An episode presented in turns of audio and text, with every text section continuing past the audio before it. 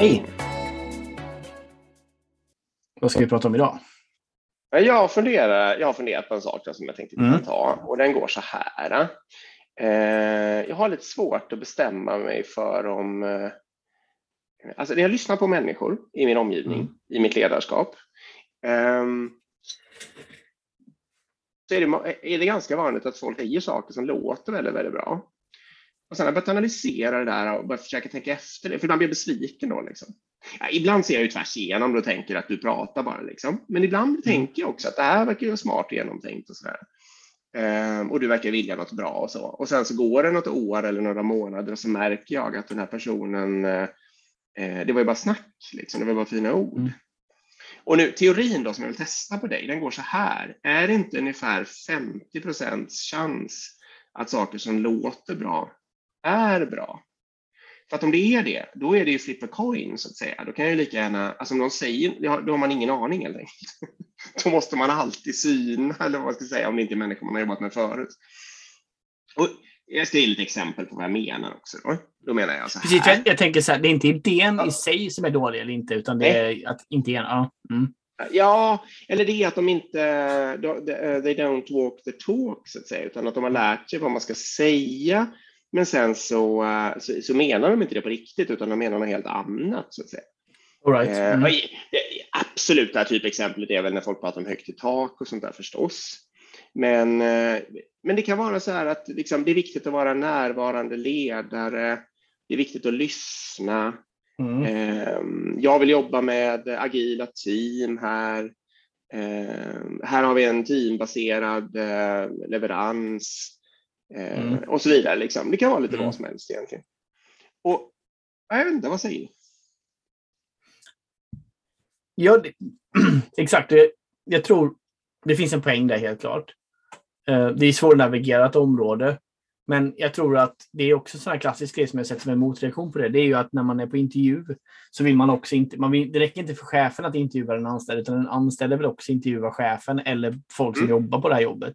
Mm. Och det är lite för att det är ju väldigt lätt att slänga sig med de här floskerna om att ja, men här jobbar vi teambaserat och här är det högt i tak och vi har transparens och vi har bra chefer och vi har så bra kultur och så vidare. Men kultur, det, det är inte vad man säger och man skriver på väggen utan det är ju hur det faktiskt genomförs i praktiken sen. Och där är det ja. ju fortfarande ganska få som tar det hela vägen. Mm. Och det jag är ute och känner då, jag vet inte, jag känner det, det kanske är en trött spaning det här, men, men det jag känner är liksom att ju, om det låter lite för bra och någon uttrycker sig för väl, då får jag nästan känslan av att det allt, eller väldigt, väldigt ofta då ska jag kalla det för, är eh, fara på färd. Det är en varningssignal istället. Liksom. Just det. Eh, jag vet inte varför det blir så, men det är, eller också då, det här kan ju bero på att jag har ett annat språkbruk än många andra, eller inte vet jag, men, men att det liksom, att människor, det finns då en förskräckande stor andel människor som ändå har en förmåga att snappa upp eh, hur, alltså vad som låter bra. Liksom. Mm. Eh, men de har egentligen inte någon djupare förståelse för hur man ska lösa eller göra. Eh, och så mm. då bara, ja.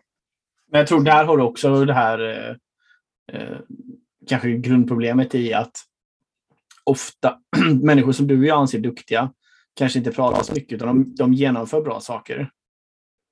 De gör bra saker. Liksom. Ja.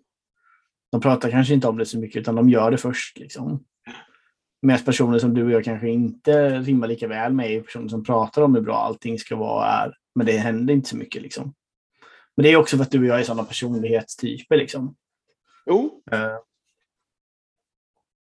Jag har ett annat bra exempel förresten som jag stör mm. på mycket i, i, på jobbet och det är det här med att eh, vi ska ta in eh, feedback och så ska vi förändra det här sen.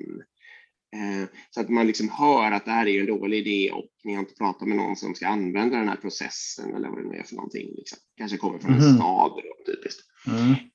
Och då heter det alltid att eh, nej, nej, men det är, vi, ska ju, vi ska ha en referensgrupp och vi ska ta in feedback och vi ska anpassa den så att den funkar liksom för de som ska använda den och så där. Absolut. Mm.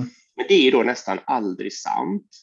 Men det är också väldigt svårt att uh, säga emot. Då, liksom. Ja, exakt. Mm. För det är ju lite, då behöver jag säga du, du ljuger. Jag vet av erfarenhet att det inte brukar bli så. Uh, liksom, ja, det, det, Okej, okay. om jag struntar i att säga du ljuger och säger det sistnämnda så kanske mm. då. Liksom. Men det är väldigt svårt att komma åt. Ja, ja det är svårt.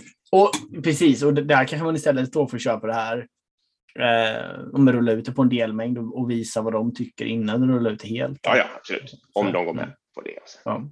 ja, det var så. Okej, okay, bra. Tack för idag. Tack för idag. Hej. Hej.